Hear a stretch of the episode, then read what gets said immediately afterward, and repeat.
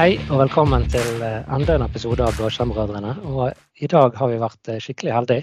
Eh, Vi har jo tidligere hatt en episode om eh, passwordless autentisering. Ingen av oss elsker passord, sant Alex? Nei, eh, hvis det hadde vært opp til meg, så hadde vi bare forholdt oss til, eh, til fingerprint og ansiktsskanner rumpeskanner, sånn som vi har snakket om i disse episodene tidligere. da. Og nå har vi vært så heldige at vi fått med et firma som eh, er norsk.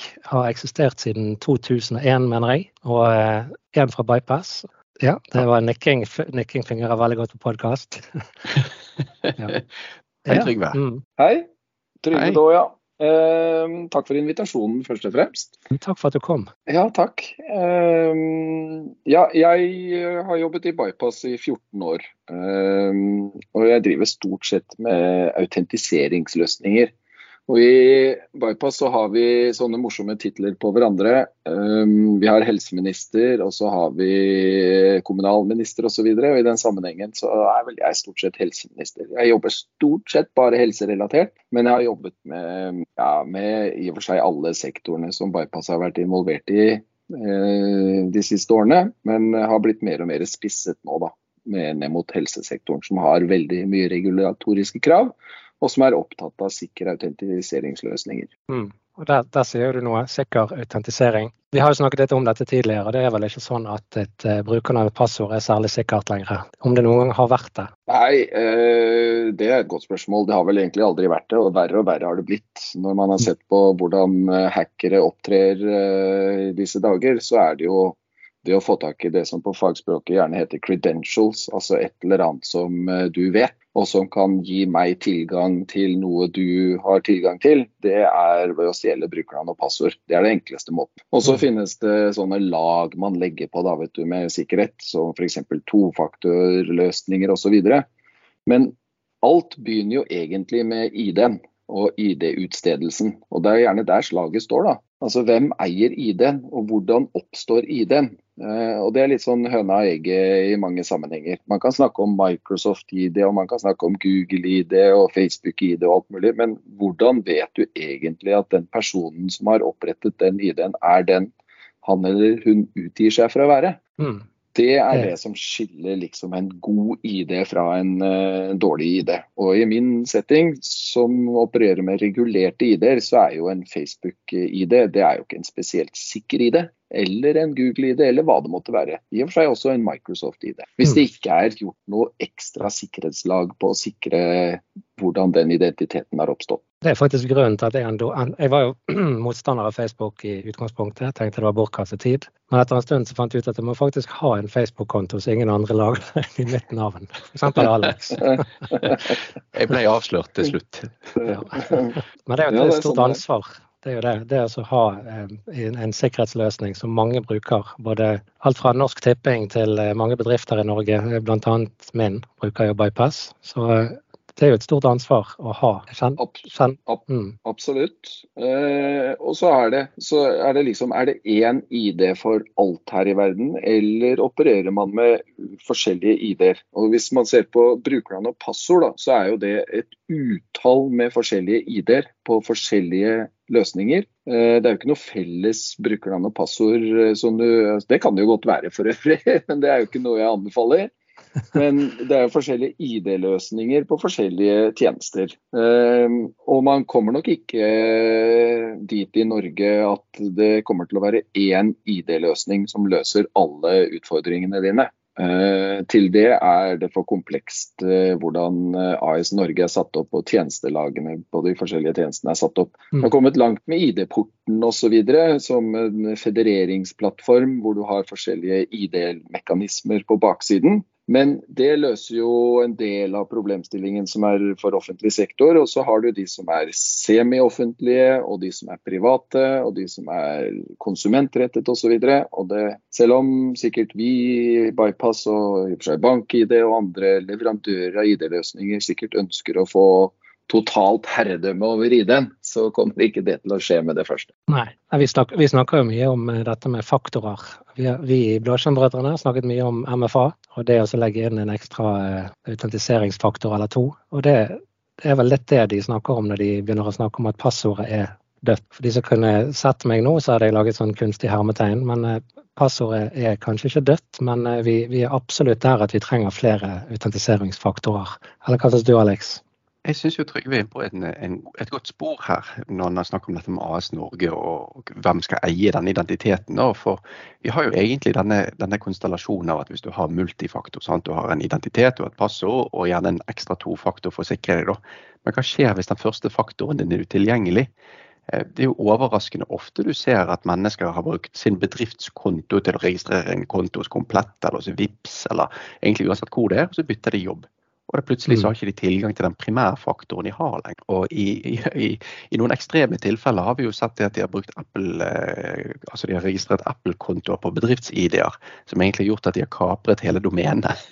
så, så, det er liksom sånn, eh, litt sånn identitetstyveri på lavt nivå eh, i enkelte tilfeller. da nå vet jeg ikke hvor mange navnebrødre du har, Trygve. Men i en kommune jeg arbeidet for tidligere, så var det plutselig to stykker som hadde det samme fornavn og etternavn, og de hadde ingen mellomnavn. Det, det ga litt utfordringer i, i ymse systemer. Da. Så dette med sikker identitet og opprette disse, det er ikke rett fram. Nei, på ingen måte. Og det Altså, En ID i dag den består jo av i utgangspunktet to komponenter. Det ene det er den tekniske sikkerheten i selve ID-mekanismen. og som vi har vært inne på, Brukernavn og passord er ikke en spesielt sikker og god løsning sånn rent fra et eh, teknisk synspunkt. Så kan du jo legge på det andre laget, som er hvor sikker er du at den personen er den han eller hun utgir seg for å være. Og Det kan være forskjellige løsninger. At de har med seg passet sitt, eh, at det er der den opprinnelige ID-en har oppstått, eller at de har en annen autentiseringsmekanisme som de har fått opprettet, som er på et riktig så høyt nivå. Men, men, det er det at du går god for at den personen er den han eller hun utgir seg for å være. Når du legger sammen de to, så har du iallfall muligheten for å lage en sikker ID. Men det hjelper jo ikke om du vet at Trygve Daa, som jeg heter, er Trygve Daa. Hvis det blir brukernavn og passord som blir opprettet på baksiden, og du ikke har noe mer enn det da er det fortsatt en dårlig ID. Eh, og så kan du legge på, det har jo vært bransjens svar som dere er inne på, det er å legge på flere faktorer. Eh, men det gjør jo ikke at brukerreisen for meg og deg blir noe enklere. Den blir jo faktisk vanskeligere. Og det er det et enklere og bedre svar til, eh, til hvordan man skal jobbe. Det at jo, vet du hva, nå har vi laget en brukernavn- og passordløsning som skal gi deg 24 tegn i passordet, og det skal være krøllalfa, og det skal være hashtegn, og det skal være mye rart inni dette passordet for at det skal fungere. Og i tillegg til det, Trygve, så skal du få lov til å få en tofaktorløsning hvor du må ta opp mobilen din og finne frem en app, og så må du slå PIN-koden din på den appen, og så må du ta den koden som kommer der, og så må du slå inn den i tillegg.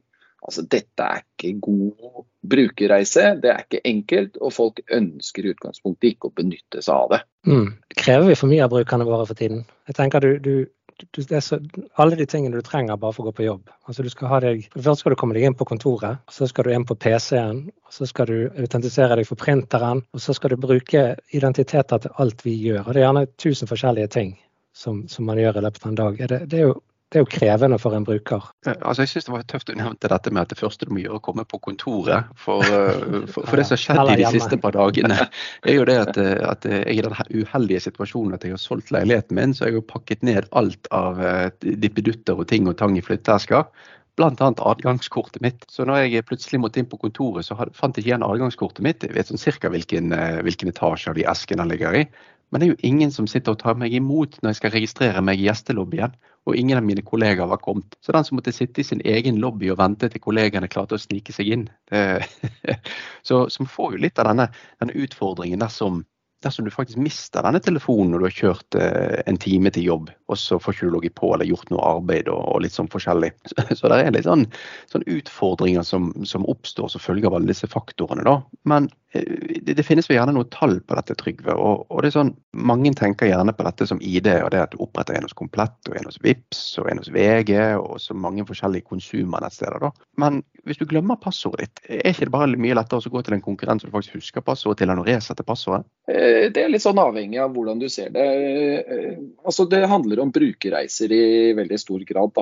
Eh, hvor, hvor, enkelt er det å benytte en løsning? Altså det her er jo det store paradokset vært at jo mer sikkerhet du legger på, jo vanskeligere er det stort sett for brukeren.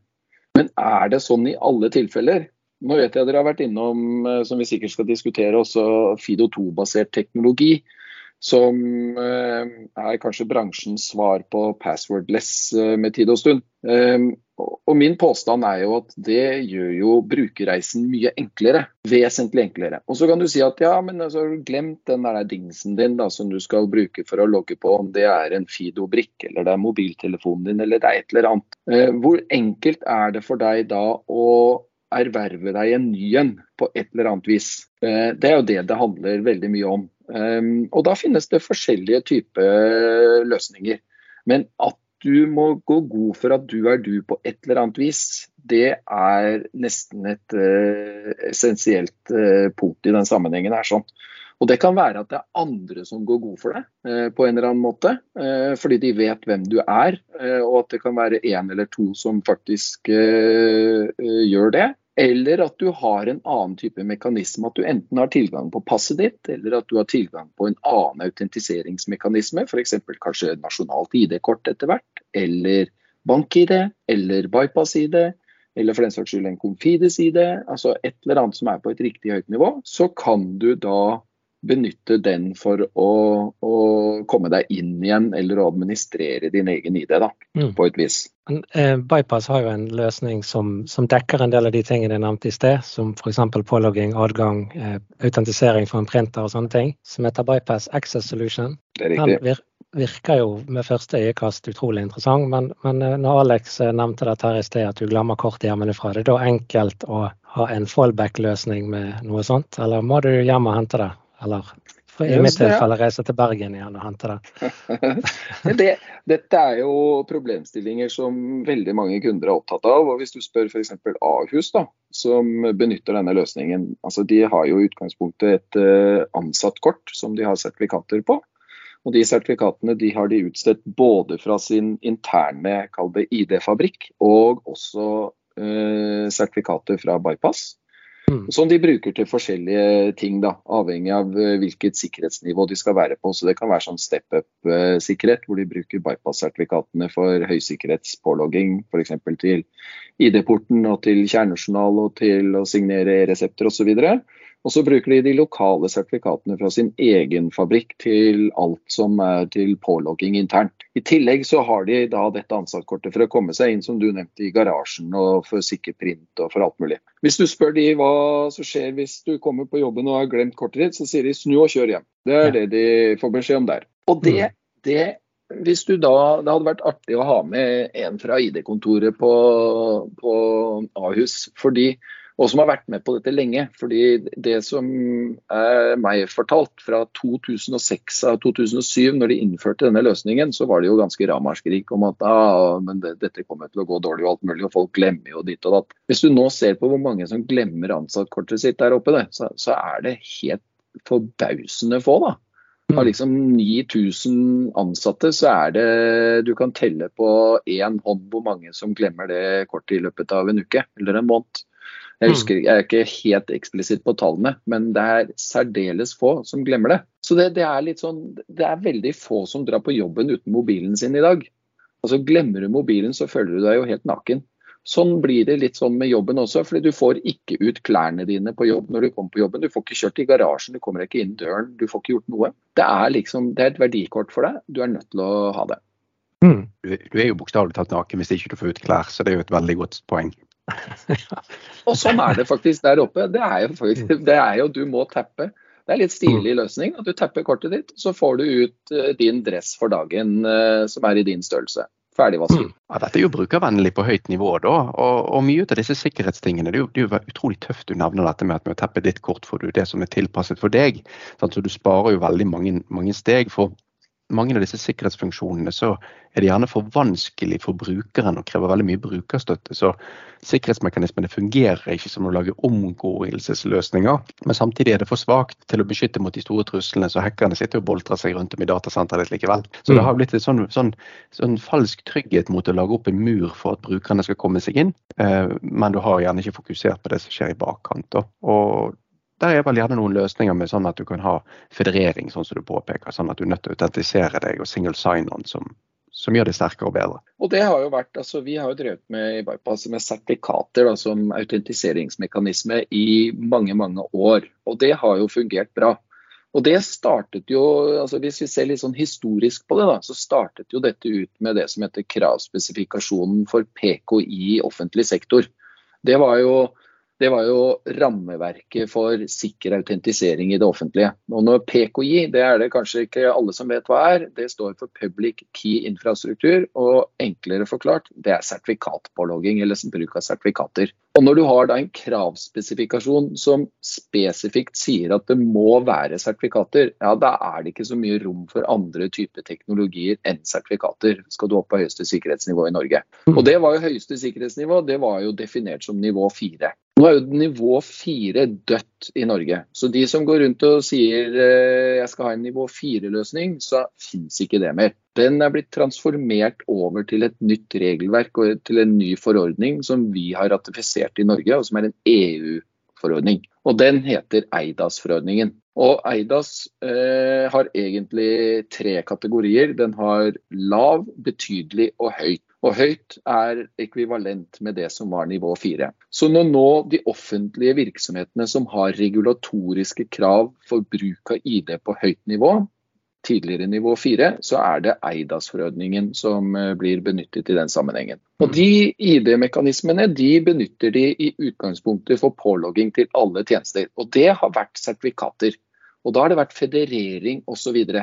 Men hva er det som er utfordringene med sertifikater? Hvorfor har ikke alle i hele Norge og Norden og Europa innført sertifikat som pålogging, siden brukernavn og passord er så dårlig? Eh, vel, det er eh, noen saker som, eh, som, spiller inn. For det første så er det komplekst å innføre. Eh, det er kanskje en, veldig, eh, en av de viktigste faktorene. Det å sette opp sertifikatfabrikk og få publisert ut sertifikatene og alt mulig, det har vært en utfordring.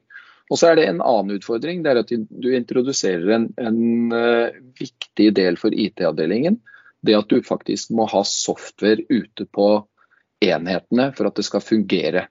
For å snakke med et sertifikat, så må du ha det som heter en kryptografisk service provider, som egentlig er bare en software-greie som ligger på PC-en din, for å kommunisere med sertifikatet og applikasjonslaget som ligger, eh, eller applikasjonene dine. Og det er rett og slett en oversetter. Og det å administrere software der ute, det er noe som i utgangspunktet ikke alle er så veldig glad i. Så eh, Dermed så har sertifikater absolutt fått en, et fotfeste. Men eh, bedrifter ser jo på muligheter. Fins det ikke andre typer teknologier hvor jeg ikke trenger alle disse tingene? Og så har du den siste tingen som jeg må nevne, det er jo bruk av mobile enheter. For det å få et sånt ansattkort med et sertifikat inn i en mobil og snakke med en mobil, det er ikke sånn rett uh, ut av boksen. Det funker rett og slett ikke. Uh, og så kan man sikkert omgå dette med noe spesiell software på mobilen og lese og, og NFC osv.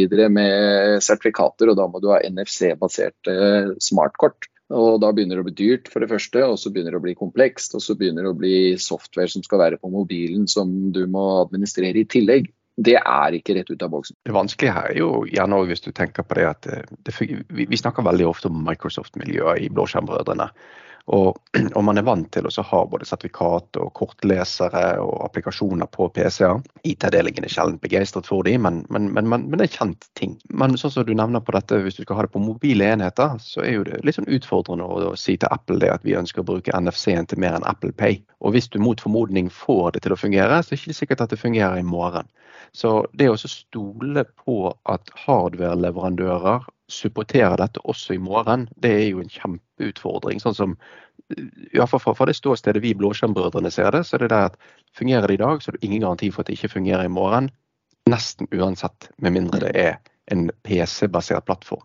Og kanskje også Mac. Men nå, nå, bringer du jo Det er jo som å legge opp en ferdig smashet ball. Eh, fordi nå bringer det meg over på det som egentlig er det mest interessante. Og det er eh, finnes det nå noen initiativer eller teknologier som blir standardisert? da, I og med at eh, du bringer inn det, det, punktet at du vet ikke hva Apple gjør i morgen. Eh, og det, det, er det som har skjedd nå, er min påstand. Vi har gått fra kravspesifikasjonen, som jeg nevnte, for PKI offentlig sektor. Vi har innført de nye regulatoriske kravene som kom fra EU, som heter Eidas-forordningen.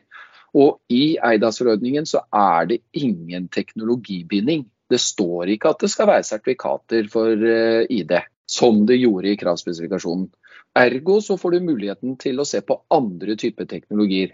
Og Det vi da i Bypass har brukt mye tid på de siste to årene, det er jo å se på den teknologien som heter Fido2. Eh, og Fido2, altså eh, det er jo det, Jeg kan snakke lenge om Fido2, men det, Fido Alliance, som er liksom sammenslutningen av de selskapene som, eh, som har lagd denne standarden, det var jo ikke selskaper som var rett og slett lei av brukernavn- og passordproblematikken i konsumentsiden, vil jeg si, av bransjen. Hvorfor var de lei det? Jo, fordi altså, eh, over 30% av alle kjøp som skal gjøres på internett den dag i dag, de blir abortert. Rett og slett. Brukeren stopper prosessen med å gjøre et kjøp fordi brukeren ikke husker har jeg opprettet konto her, må jeg opprette konto med brukernavn og passord jeg husker ikke, og så bare hopper de ut. Tenk deg hvis du går inn i en butikk, eh, og så forsvinner 30 av kundene dine ut og handler ikke.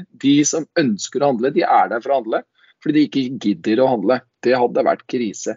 Og det er krise for bransjen. Så det var et sterkt ønske fra, fra egentlig hele bransjen om å lage en løsning som var mye lettere for brukerne. Bli kvitt brukernavn og passordet. Og så startet Google og Microsoft eh, og noen andre selskaper denne Fido Alliance. Eh, og Apple, som du nevnte, de var jo faktisk ikke medlem eh, før til, for litt over et år siden. Halvannet år siden eller så. Og da meldte de seg inn, og da hadde de ingen støtte for denne Fido 2-teknologien i sine devices i det hele tatt. Men som du og alle andre vet, så har Apple ganske god kontroll på verdikjeden sin.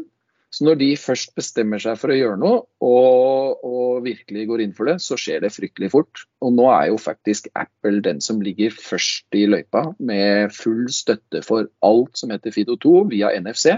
Så nå har de jo åpnet opp NFC-delen sin for annet enn Apple Pay. Så nå benytter jo Bypass eh, Fido2-basert autentisering på mobiler, og spesielt med, med iPhones, eh, som som liksom stjerneeksempelet på hvordan du kan gjøre en sikker autentisering på en mobiltelefon. Og nå skulle vi jo egentlig hatt med Torgeir Bergsvik fra Apple Norge med. Han hadde blitt veldig glad for å komme inn som en eh, gjest i, i bisetningen her. Altså. Det, det, var jo, ja, mm. det, er veldig kjekt at man har klart å implementere og komme litt videre. Jeg tenker jo det at, eh, som, som vi nevnte i sted, at hvis du gjør det for vanskelig for brukerne, så, så finner de eh, veier rundt sikkerheten. Så Det å implementere Fido2, som, som egentlig sånn som jeg ser det, forenkler det veldig for brukeren. Så slipper du det at de, at de gjør sånn som eh, den, eh, det eksempelet du nevnte, eh, Alex. Som han som hadde merket PC-en sin med alle passord og brukernavn han hadde, sånn at han skulle huske det.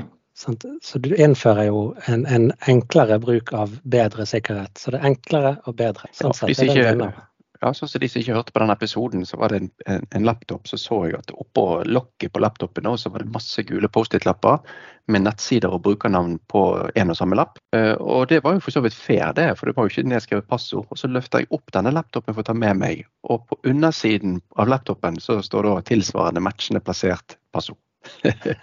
og, og, og, hvis, man, hvis, man, gjør det for tungvint og for mange forskjellige sånne ting, så hadde jeg bare vært litt redd for at man hadde teipet fast Eh, nøkkelkortet sitt eller kryptografikortet sitt på PC-en, eller bare la den stå permanent i PC-en, egentlig. Um, så, så, det finnes alltid en måte å omgå dette på. Men jeg tror uh, Trygve er inne på et spor veldig mange er inne på, med å kombinere ordet naken og mobiltelefon. Du lar ikke mobiltelefonen ligge igjen på PC-pulten din, du tar den med deg. Mm. Uh, og, og, plutselig så har du da faktisk både et nøkkelkort og et ID-kort som som du sjelden lar ligge igjen? Ja, mitt første møte med smartkort som autentisering eh, var i en bedrift jeg var konsulent hos for ja, tidlig Tidlig, ja, tidlig 2000-tall. Og der fikk jeg vite hvor kreative brukere er. For det, det noen gjorde, da, det var at de klippet av den delen utenfra. altså De hadde satt den inn i smartkortleseren, så klippet de av den delen som stakk ut, sånn at de hadde det i smartkortleseren hele tiden. så det er kreativt. Dette får du ikke lov å gjenta, men eh, jeg har gjort det samme. Men i det første selskapet jeg jobbet før jeg lærte dette i Bypass. Så, okay. Vi skal ikke si det til noen. ikke si det. Nei, og det, og det, er jo litt sånn gøy. For det, det er jo sånn at enten må du ta i bruk en funksjon fordi at du selv ønsker det. For det er veldig sjelden at, at jeg har kommet ut fra en IT-avdeling og sagt at nå skal vi gjøre det vanskeligere for deg å logge eller på, eller du skal ta i bruk denne teknologien i arbeidslivet ditt, så får du sjelden applaus. Men hvis du tenker på hvor mange som har tatt i bruk iPhone og, og enten ansiktsgjenkjenning eller finger, fingerprint, så er det utrolig stor utbredelse av dette. Og folk liker teknologien nå. Så det å finne en brukervennlig sikkerhetsmekanisme det er liksom nøkkelen først. Sånn at du i ettertid kan finne ut ok, hvordan kan vi gjøre det brukervennlig. Og i ettertid er det virkelig sikkert nok. Men altså, nå vet jeg ikke, skal vi ikke skryte for mye av forskjellige ting, men hvor mange som, eh, av lytterne som vet uh, hva Fido2 egentlig er og hvordan det fungerer. Vi skal ikke bruke mye tid på det, men det er jo en ekstremt enkel måte å gjøre en autentisering på. Eh, altså Du har et eller annet hvor du har knyttet noen brikker eller noen nøkler til deg. Enten det er på en sånn YubiKey eller på en annen type eh, Fido-basert dings. Eh, så har du den eh, med deg, og det er den du enten setter inn i USB-leseren eller på NFC. Det er typisk de, eller det kan være Bluetooth også. Det finnes mange forskjellige kommunikasjonsplattformer. Men du, det er den som egentlig blir benyttet hver gang du skal logge deg inn. Og så har du bare PIN-koden din. Men det var egentlig ikke det jeg tenkte på. Det jeg tenkte på, det er nå kommer det på disse mobilene så kommer det TPM-moduler som muliggjør at du kan legge nøklene ned på mobilen din. Og eh, det gjelder ikke bare Eh, nøkler som er generert fra f.eks. Facebook eller Google, eller noe sånt, men det kan også være nøkler generert fra en sikker ID-leverandør, sånn som Bypass. Og mm. Når du da får muligheten til å legge nøklene ned på mobilen og Du har det ikke akkurat i dag, fordi du må sertifisere disse chipene som kommer i mobilen. og Det er vår oppgave som ID-leverandør. Det er å være helt sikker på at de nøklene som ligger på mobilen, de kan du ikke ta ut eller eh, kompromittere på noe vis. og Da må det være på, på sertifiserte chipper. Men det kommer på mobilen. Og når det kommer, så kan du bare ha mobilen din med deg. Og så kan du tappe mobilen din rundt, akkurat som Apple Pay hver gang du skal logge deg inn. Har du sett det? Ja. Dette er jo litt eh, vår blåskjermbror Olav har pratet mye om, og det er sikkerhet fra, fra chip to cloud, altså fra, fra, chip til sky. Og Nå ser jo du du nevner dette med TPM og, og sånn på mobile enheter. Og, og, Det arbeidet som legges ned på, i IT-industrien nå med å flytte inn kryptografiprosessoren og TPM-en inn i prosessoren for å hindre at noen kan sniffe bussene på, på uh, hovedkort og sånt. Så det, det, gjøres jo veldig mye arbeid rundt dette for å sikre TPM prosessen, da? Absolutt. Og det, altså, nå vet jeg ikke om eh, dere er kjent med uttrykket HSM, men altså en HSM som er det sikreste mediet hvor du lagrer nøklene for en, eh, en utsteder av sertifikater eh, som vi er. Så har vi tjukt av sånne HSM-er som koster det hvite ut av øynene, men som er sertifiserte moduler. De sertifiserte modulene de ser man jo kommer på mobilen òg. Så mobilen blir jo praktisk talt en HSM. Hvor du da har muligheten til å kunne legge nøklene ned og være helt sikker på at de kommer ikke ut av mobilen. Mm. Vi, vi, i Bladskjermbrødrene har jo eh, ofte et fokus på sky eh, og eh, skyteknologi. Og dere har merket noe stor forskjell i hvordan folk ser på autentisering etter folk begynte å flytte workloader til skyen? Absolutt. Altså, tidligere så var jo alt on prem. Nå ser vi mer og mer skybaserte ting. Det var faktisk litt spennende, uh, dere som er kjent med Microsoft. Fordi Microsoft stengte jo ned muligheten for å benytte sertifikater for pålogging til Asher. Eh, så det gikk ikke. Så alle som hadde sertifikatløsning fra oss og ønsket å flytte seg over i Asher, de hadde jo ikke muligheten til å benytte samme ID-løsning for pålogging. Dette var krise for eh, ikke bare oss, men for alle leverandører av sertifikater, vil jeg si. Eh, på det området der. Men så kom det det som heter en presidential order fra USA. Og den var litt spennende, fordi presidenten instruerte Microsoft til at dette kan faktisk ikke skje. Dere er nødt til å åpne for andre typer ID-er enn deres egen ID for pålogging Tasher.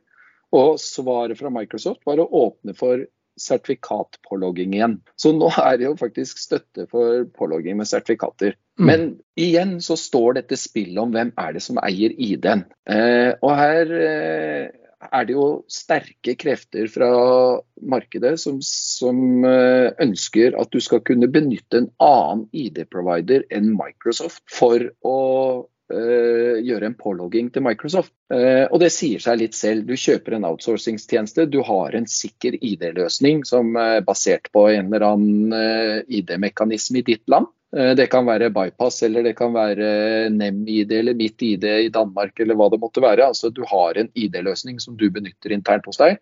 Den ønsker du å benytte for pålogging til Asher. Så sier Asher eller Microsoft at nei, det får du ikke lov til. Du må opprette en egen Microsoft-ID eh, for å få lov til å logge på hos oss. Dette hadde Microsoft en eh, løsning på med det som het Custom Controls den har de stengt ned. Og vi sitter i spenning og venter på når de har tenkt å åpne for andre ID-providere. Mm. Fordi vi sitter med en stor eh, mengde kunder som egentlig ønsker én prosess, i og med at de har høyeste ID-løsning levert fra Bypass så ønsker de den høyeste ID-en federert inn i alle tjenestene som de har, og alle applikasjonene som de har, med single sign-on. Det får de ikke i dag, fordi enkelte leverandører sier nei, du må ha en egen ID hos oss, skal du få lov til å logge på her. Mm. Det er en veldig fin måte å låse folk inn i ditt økosystem, hvis du krever en ID som du selv utsteder. Nettopp. Og det, mm. det, er faktisk utfordrende at det blir litt sånn monopolisme inn i det. Uh, og du, du, låser de. Og det, det, som det faktisk medfører, det er jo at skal du få en ID fra oss da, på et sånn Fido2-teknologi, så må du gjennom en ganske rigid prosess. Enten så må du bruke passet ditt og en passleserløsning for du er du, eller så må du til en operatør eh, som leser passet og, og, går god for at du er du, for at du skal få utstedt denne ID-en første gang. Men så får du gjort det, så må du gjennom samme prosessen, ikke nødvendigvis like streng, men du må gjennom samme onboardingsprosess hos Microsoft. Enten via Windows Hello eller andre typer løsninger som de tilbyr. Så, så, så må du administrere to ID-er. Og hvem er det som er glad i å administrere to forskjellige ID-er fra IT-siden? Ingen er det. Nei. Du ønsker å ha én ID, og så ønsker du å ha den eh, ja, altså At du kan eh, Hva er dette for noe? Du kan transportere den ID-en videre med federeringstjenester til egentlig alt eh, du ønsker. Her har jo du skrapt av lite en liten utfordring med, med, dagens situasjon og den køen som oppstår med å få ut et nytt pass. Du kan jo risikere at du får ikke lov til å bytte arbeidsgiver fordi at du får ikke nytt pass før om fem-seks måneder. Så, så, passet er jo egentlig ditt unike sertifikat. Og det sertifikatet som er i stand til å utgi et pass, er jo fødselsattesten. Mm. Så, så, det er jo egentlig fødselsattesten som er master-identifikator for alt, og så følger det da videre nedover. Så Det er jo en litt sånn eh, kuriositet å vite at fødselsattesten, den er master CA for deg. Et, et sted må ID-en din oppstå, og den uh, oppstår som regel med at du får et uh, fødselsbevis. ja. At mm. du, du, faktisk finnes. Ja. Jeg er jo litt nysgjerrig på hvor langt uh, du er villig til å gå, Alex. For Vi snakket om Fido 2 i sted, og der har du jo masse NFC-produkter og masse produkter. Men det er òg en mulighet til å implementere, nei, hva heter det, implante en brikke i kroppen som du kan bruke som identifikator. Er du villig til å gjøre noe sånt? Har ikke du fått den, Pål? Jeg har jo to. Nei, jeg har sagt nei. har du to i? Men når, når du får én for hver i det, er det så mye. Du vet, Jeg har fått sånn Surface Duo. Den krever to hender for å bruke, for den har to skjermer. Så jeg har én NFC for hver hånd. ja. Men det er jo litt vittig. Det er jo kanskje fremtiden, det òg. At vi, vi, begynner å bli litt sånn cyber-mennesker med identifikatorer implantert i kroppen. Er du villig til å gå for en sånn løsning, Alex? Ja, altså, du, det kommer jo likevel inn med fødselsattesten. Så kan vi like gjerne ha den der, da. Ja, det må du ta med deg når du skal få implanten. Nei, men det, det, jeg men det, det, er ikke, Ja, det er, det er, ikke tull. Dette er ikke bare spøk. Det er, vi ser det nå, at det er mennesker som er fritt villige til å implementere Fido-baserte chipper i kroppen for å slippe å ha de i lomma eller på et nøkkelknip eller noe sånt. Mm. Tenk hvor tøft det er å få et koronapass inn på den. Slippe å ha med seg de papirlappene når du skal ut og reise. Åh, oh, Mulighetene er mange. Ja, problemet er det blir identitetstyveri. Det blir mye mer brutalt enn tidligere. Må ikke være så pessimistisk. Jeg sa det var noen som gikk med på å få en sånn brikke i seg, men det, det var fordi de fikk gratis øl. Så folk er villige til å være med på det, og noen har veldig lave krav. Ja. Men jeg, jeg, tenker at det er identifisering av et menneske har endret seg på Du snakket om fødselsattest. Eh, kanskje ikke verdens sikreste autentiseringsmetode, men det som har skjedd fra vi var liten og ung fram til nå, er det at vi, vi, ikke bare må vi ha bedre sikkerhet, for det at folk har vært mye flinkere til å prøve å ta fra oss ideen. Eh, for 50 år siden var ikke mye ID-tyveri på den måten som det er i dag. Sant? Det var ikke mye, mange som prøvde å komme seg inn i bedriftene på andre måter enn med brekkjern. Men samfunnet forandrer seg, eh, verden forandrer seg, og vi må forandre oss. Så sikkerhet er på en måte Jobber du med IT, så jobber du egentlig med sikkerhet. Uansett hva du driver med. Det er min påstand.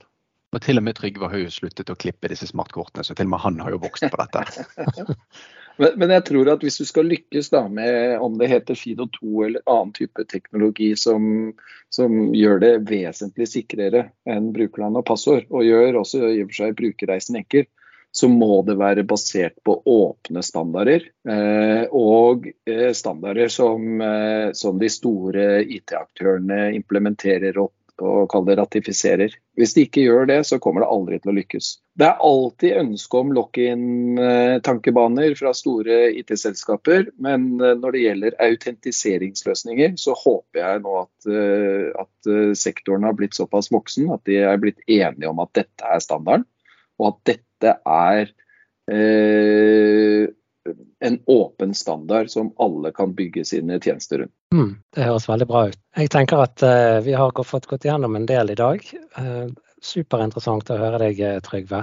Jeg uh, syns gjerne vi skulle hatt oss en prat til en annen gang som gikk f.eks. direkte på Fido2, og bare det. For dette er et tema som jeg tror lytterne våre er interessert i. Ja, det er jo spennende i seg sjøl bare det å invitere helseministeren tilbake igjen i en fremtidig podkast. Det, det, er ikke ofte vi har muligheten til det, altså. Nei. Det er bare å invitere. Jeg syns mm. det var utrolig spennende å ha en prat på dere også. Jeg kommer gjerne tilbake. Mm.